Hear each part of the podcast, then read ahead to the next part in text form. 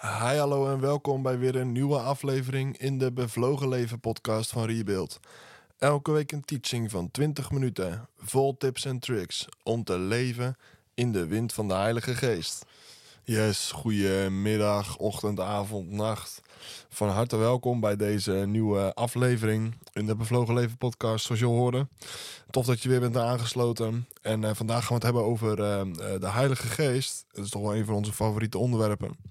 Ook omdat we geloven dat een bevlogen leven alleen maar kan door het werk en de wind van de Heilige Geest.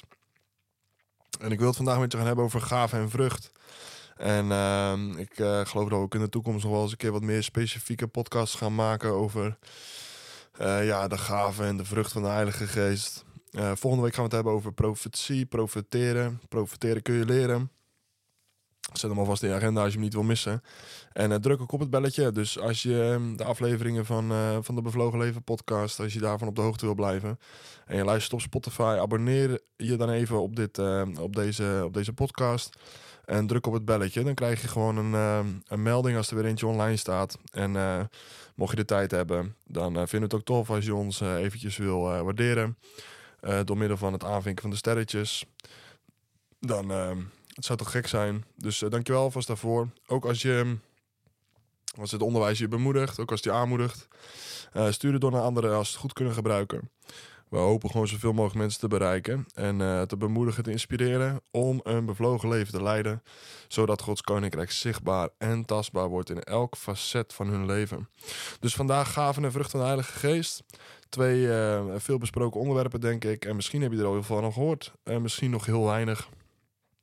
Ik hoop in ieder geval dat je je mag uh, bemoedigen. Kijk, de Heilige Geest is uh, niet uh, de derde God of zo. Vaak worden mensen een beetje kriebelig als het gaat over de Heilige Geest. Zeggen ze ja, eerst was God, toen kwam Jezus en als laatste kwam de Heilige Geest. En die werkt hier op aarde af en toe als hij dat wil. En dat, dat hoor je toch wel regelmatig. Het werk van de Heilige Geest wordt regelmatig gedegradeerd door een soort derde graads God. Derde rangs God. Maar dat is het niet. de Heilige Geest wordt zelfs al in het begin van de Bijbel genoemd. Want Gods geest uh, voer over de wateren tijdens de verwoeste aarde. Dus Gods geest wordt in het allereerste begin van de Bijbel al genoemd. En is vandaag de dag uitgestort op deze wereld. En uitgestort in jou, in mij, op ons, in ons, door ons. En het is essentieel om de Heilige Geest in je leven te hebben en te laten werken. Want zonder de Heilige Geest is het onmogelijk om Jezus te volgen. Laat staan de Vader te zien. En ik uh, denk als je meer wil ontdekken over de Heilige Geest dan uh, moet je sowieso handelingen lezen. Dan ga je heel veel ontdekken over de Heilige Geest. Uh, en ook in Johannes, uh, in het Johannes-evangelie, deelt Jezus heel veel over de Heilige Geest. Ik zal je twee teksten noemen die Jezus over de Heilige Geest zegt. In Johannes 4, vers 14 zegt hij: Het water dat ik hem geef, zal je nooit meer dorstig maken. Dit water zal een bron worden van water, wat opwelt tot in het eeuwige leven. Jezus spreekt hier over de Heilige Geest. En hij zegt in Johannes 7, vers 37 tot en met 39. Wie in mij gelooft, zoals de schrift zegt, stromen van levend water zullen uit zijn binnenste vloeien. En dit zei hij over de geest, die zij die in hem geloven ontvangen zouden, want de Heilige Geest was er nog niet, omdat Jezus nog niet verheerlijkt was. Nou, Jezus is inmiddels verheerlijkt, hij is opgevaren naar de hemel. En op eerste Pinksterdag 2024 jaar geleden werd de Heilige Geest uitgestort. Of 2024. Ik bedoel eigenlijk natuurlijk iets van uh, 1991 jaar geleden. 33 na Christus. Ja, nou ja, ongeveer 2000 jaar geleden werd deze Heilige Geest uitgestort. Uh, op ons, in ons, voor ons, door ons. En uh, meer dan ooit aanwezig vandaag de dag. En ik las je net twee teksten over de Heilige Geest als bron en de Heilige Geest als rivier. En de eerste is wat Jezus zegt tegen de vrouw die bij de waterput staat te, tappen, water staat te tappen. Hij zegt, als het water wat ik je geef, daar zal je nooit meer dorst van krijgen. Met andere woorden, hij zegt, de Heilige Geest is een bron binnenin jou die opwelt, en dan zegt hij, tot in het eeuwige leven. Dus niet voor eventjes, niet voor als jij je goed voelt of chill voelt, niet voor op een conferentie, maar tot in het eeuwige leven, de rest van je leven. Dit is de Heilige Geest voor jou. Dit is de bron in jou. En hier kan je zelf van drinken.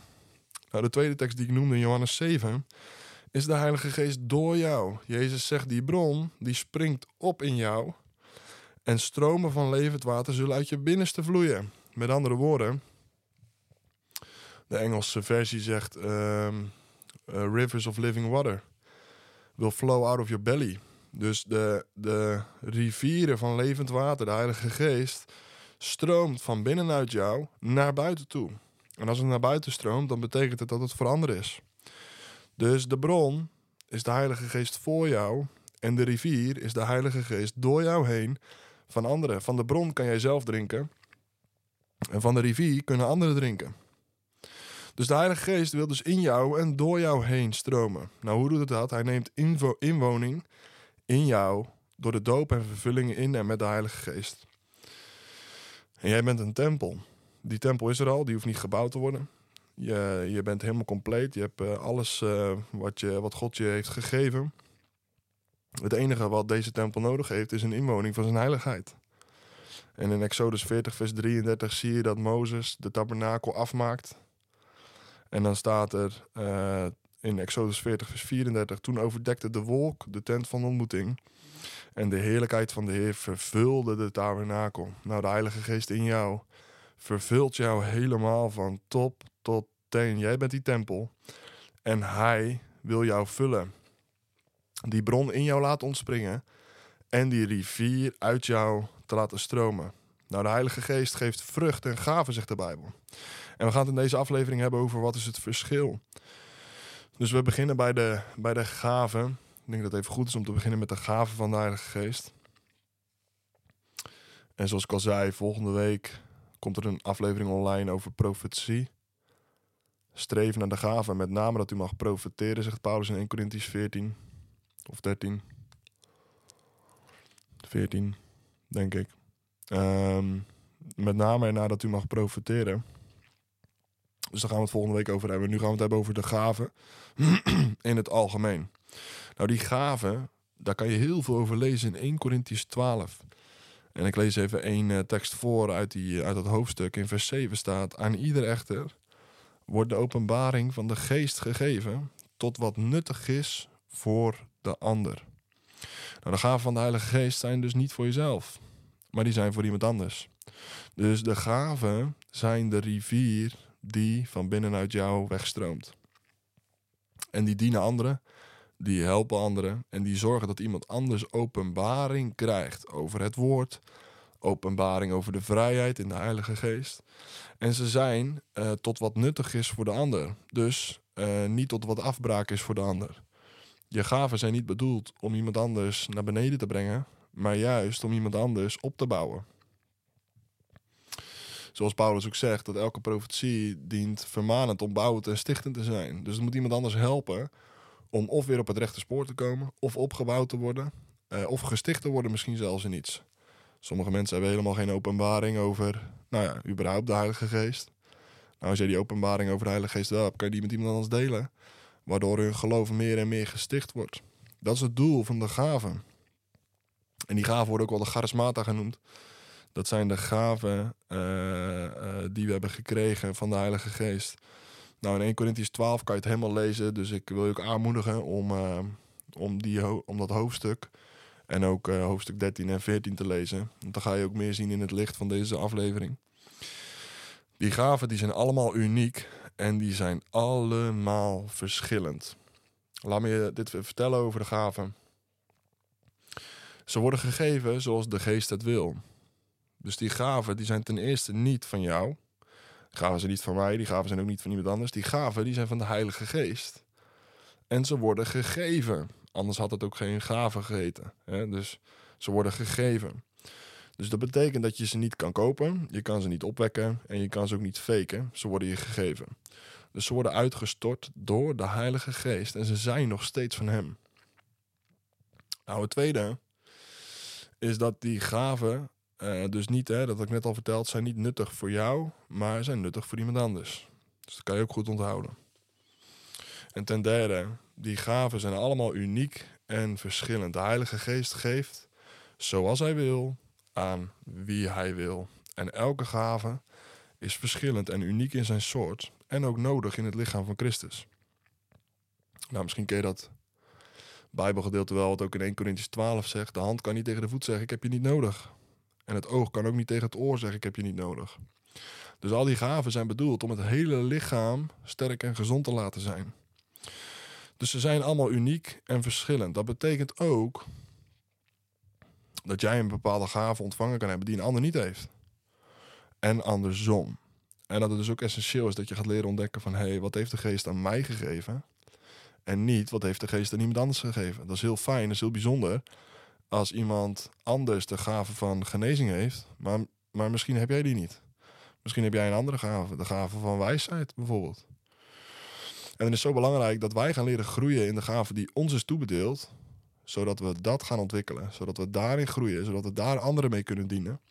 In plaats van dat, dan we, dan, dat we naar iemand anders kijken en denken, ja, maar die andere heeft deze gave, die andere heeft die, die gave. En die zou ik ook willen. En uh, lijkt me ook zo te gek. Je mag er wel om binnen. Je moet niet bezig zijn met de gave die iemand anders heeft, maar met de gave die jij hebt ontvangen. Nou, ik noem je negen gaven die in 1 Corinthians 12 worden genoemd. Maar ook in Romeinen 12 kan je lezen over de gaven van de geest. Ik geloof dat er meer zijn dan negen. Eh, ik denk dat er zelfs meer zijn dan 12 of meer dan 21. Paulus geeft op verschillende plekken, spreekt hij over verschillende gaven. Nou, dit doet hij echt om een voorbeeld te noemen van gaven. Ik denk niet dat ze de hele maat van de gaven bepalen. Met andere woorden, ik denk dat er meer gaven zijn dan die alleen daar gezegd worden. Maar dit zijn er in ieder geval negen die je in 1 Corinthians 12 kan, kan vinden. Uh, en dat is een woord van wijsheid. In 1 Corinthians 12 vers 8 wordt gesproken over een woord uh, van wijsheid. En dat betekent dat je in bepaalde situaties... dat je uh, boven natuurlijk inzicht hebt en wijsheid daarvoor... om, om op dat moment ergens over te spreken. Nou, een ander ding, een andere gave is een woord van kennis. Nou, je ziet ook in 1 Corinthië 12 vers 8 wordt woord van kennis genoemd. Dus uh, je, je hebt er bijvoorbeeld een voorbeeld van. Want een mooi voorbeeld is van een woord van kennis is als Paulus in Antiochie is. Volgens mij kan je dat lezen in Handelingen 22, 23, ergens daar in de buurt. Uh, als Paulus in Antiochie is, dan komt er een profeet naar hem toe, of iemand, die komt naar hem toe en die zegt: Ik heb een woord van kennis. Als je naar Jeruzalem gaat, dan word je gevangen genomen. Met andere woorden, jij moet niet naar Jeruzalem. Nou, wat kan je daaruit leren? Dat deze man een woord van kennis had van het moment van dan en wat er zou gaan gebeuren in de toekomst. Alleen wat hij fout deed, was dat hij tegen Paulus zei: Jij moet er niet naartoe gaan. Paulus die zei: Ik moet daar wel wezen, want ik ga mijn roeping, ik ga mijn bediening ga ik voltooien. Ik ga mijn bediening uh, uitwandelen. En hij wist al lang dat als hij naar Jeruzalem zou gaan, dat hij daar gevangen, zou, uh, gevangen genomen zou worden. Dus die man die had een woord van kennis, alleen die ging het vervolgens ook nog zitten, uh, ook nog uitleggen en zitten verklaren. Dus een woord van kennis is natuurlijk hartstikke goed. Dat je bijvoorbeeld zegt van, hé, hey, ik geloof dat de Heer dit of dat gaat doen. Nou, wat heb je nog meer? En ik kan er allemaal niet te lang bij stilstaan. Maar je hebt onderscheiding van geesten. Je hebt de gave van geloof. Je hebt de gave werking van krachten. Uh, je hebt allerlei talen, uitleg van talen. De gave van profetie. Uh, de gave van genezing. En nogmaals, als je in Romeinen 12 kijkt, heb je ook nog de gave van ontferming of barmhartigheid. Uh, je hebt de gave van besturen, heb je ook nog. Um, dus er zijn allerlei verschillende gaven te vinden. Die bedoeld zijn om de gemeente op te bouwen. Die gaan van links naar rechts. En ze worden ook wel eens de gereedschapskist van de Heilige Geest gegeven, ge, genoemd. Er is ook een boekje over, die heet ook zo: De gereedschapskist van de Heilige Geest. Je zou het zo kunnen zeggen: het zijn de geestelijke gereedschappen voor het werk van Christus. De geestelijke gereedschappen voor het werk van Christus. Je hebt ze nodig om dat werk te kunnen doen wat hij gegeven heeft. Het is meer dan een talent. Het is een bovennatuurlijke gave. Iemand die wel bespraakt is, hoeft niet per se gelijk de gave van onderwijzen te hebben. Iemand die goed leiding kan geven, heeft niet gelijk de gave van besturen. Maar het kan wel. En je ziet ook wel dat de Heilige Geest vaak, ook wel in de natuurlijke talenten, ook wel de gave besloten legt. Maar het hoeft niet. Nou, wat is vrucht dan? Uh, vrucht gaat over jouw karakter. Vrucht gaat niet over wat je kan, maar vrucht gaat over wie je bent. En die vrucht van de Heilige Geest kan je vinden in Galaten 5, vers 22. En ook daar wil ik je aanraden, lees die allemaal even door. Misschien ken je dat liedje wel. Liefde, blijdschap, vrede, goedheid en ook trouw. Daar komt het liedje vandaan, uit die tekst, Galaten 5, vers 22. Want de vrucht van de geest nu is liefde, blijdschap, vrede, goedheid, trouw, geduld, zachtmoedigheid, nederigheid. eh, hoe noem je dat? Zelf, uh, zelfcontrol, zelfbeheersing. Dat is de vrucht van de Heilige Geest. En zowel de vrucht als de gaven eh, zijn voor anderen. Maar de gaven gaan over kracht en de vrucht gaat over karakter. En ik denk dat het essentieel is, want de gaven, zoals ik net al zei, zijn allerlei gereedschappen die je hebt gekregen om mee te kunnen bouwen. Maar dan vervolgt Paulus in 1 Corinthians 13 en dan houdt hij een enorm betoog over de liefde. En dan zegt hij: Al waren mijn profetieën allemaal waar, als ze klonken, als ze waren gezegd zonder de liefde, dan klonken ze als schelle cymbalen. Met andere woorden, als al die profetieën, al die krachten gedaan werden, maar de liefde was er niet, is het simpelweg nutteloos. En daarmee zegt Paulus twee dingen. Ten eerste, het is nutteloos. En ten tweede, het een kan dus blijkbaar zonder het ander. Jij kan functioneren in de gaven van de Heilige Geest die je gegeven zijn, maar niet vanuit de vrucht van de Geest waarin je zou moeten leven. En dan tref, treffen die gaven geen doel, maar dan breken ze eerder af, dan maken ze kapot. En dat is niet de bedoeling van het werk van de Heilige Geest door jou heen. Nou, waarom is dat zo? Mensen kunnen functioneren in die gaven, groeien in die gaven. Maar onderweg eh, tijdens hun wandel de vrucht van de geest uit het oog verliezen. Dus die vrucht van de geest zijn essentieel en noodzakelijk om te groeien in karakter. En we hebben het vorige week gehad over groeien en bloeien. Kijk, vrucht moet, uh, vrucht moet groeien en vrucht moet bloeien, maar het moet ook gedragen worden. En glorie van God, de glory of God, de kadosh, de heerlijkheid van de Heer, betekent ook gewicht. En hoe meer gaven jij krijgt, toebedeeld van de Heilige Geest, hoe meer kracht er in jouw leven is, uh, hoe meer uh, karakter je nodig hebt om dat te kunnen dragen. En dat is wat de vrucht van de Geest doet. De vrucht van de Geest zorgt er niet alleen voor dat je een krachtige wandel hebt, maar dat je ook het karakter hebt wat daarbij hoort. Om om te kunnen gaan met, nou ja, misschien wel als mensen heel goed over je gaan praten. Oh, je hebt zo ook een mooie gave. Oh, als jij bidt voor mensen, dan genezen ze gelijk. Oh, als jij bidt voor mensen, dan uh, krijg je altijd een woord van kennis of een profetie. Oh, of als jij aan het vergaderen bent, dan heb je altijd wijze woorden, weet je wel. Mensen kunnen jou op een voetstuk gaan zetten. En als je daar niet voldoende zelfbeheersing hebt en nederigheid en zachtmoedigheid, dan ga je eraan onderdoor en dan ga je straks nog denken dat het niet de gaven van de geest zijn, maar de gaven van Greetje. Ik hoop niet dat er nu een Greetje luistert. maar je hebt de vrucht van de geest nodig, zodat de gaven van de geest ook daadwerkelijk doel treffen. En zowel die vrucht als die gaven, die zijn dus ook voor anderen. Hè? Dus wat we vorige week besproken hadden over groeien en bloeien. Elke vrucht die blijft hangen aan een boom, ja, maakt die boom alleen maar ziek. En elke vrucht die afvalt en op de grond blijft liggen, sterft ook weer af. Dus vrucht moet geplukt worden en vruchten moeten gegeten worden. Door anderen. Want ik heb nog nooit een appelboom een appeltje zien eten. Nou, hoe kan je het nou in het geheel samenvatten?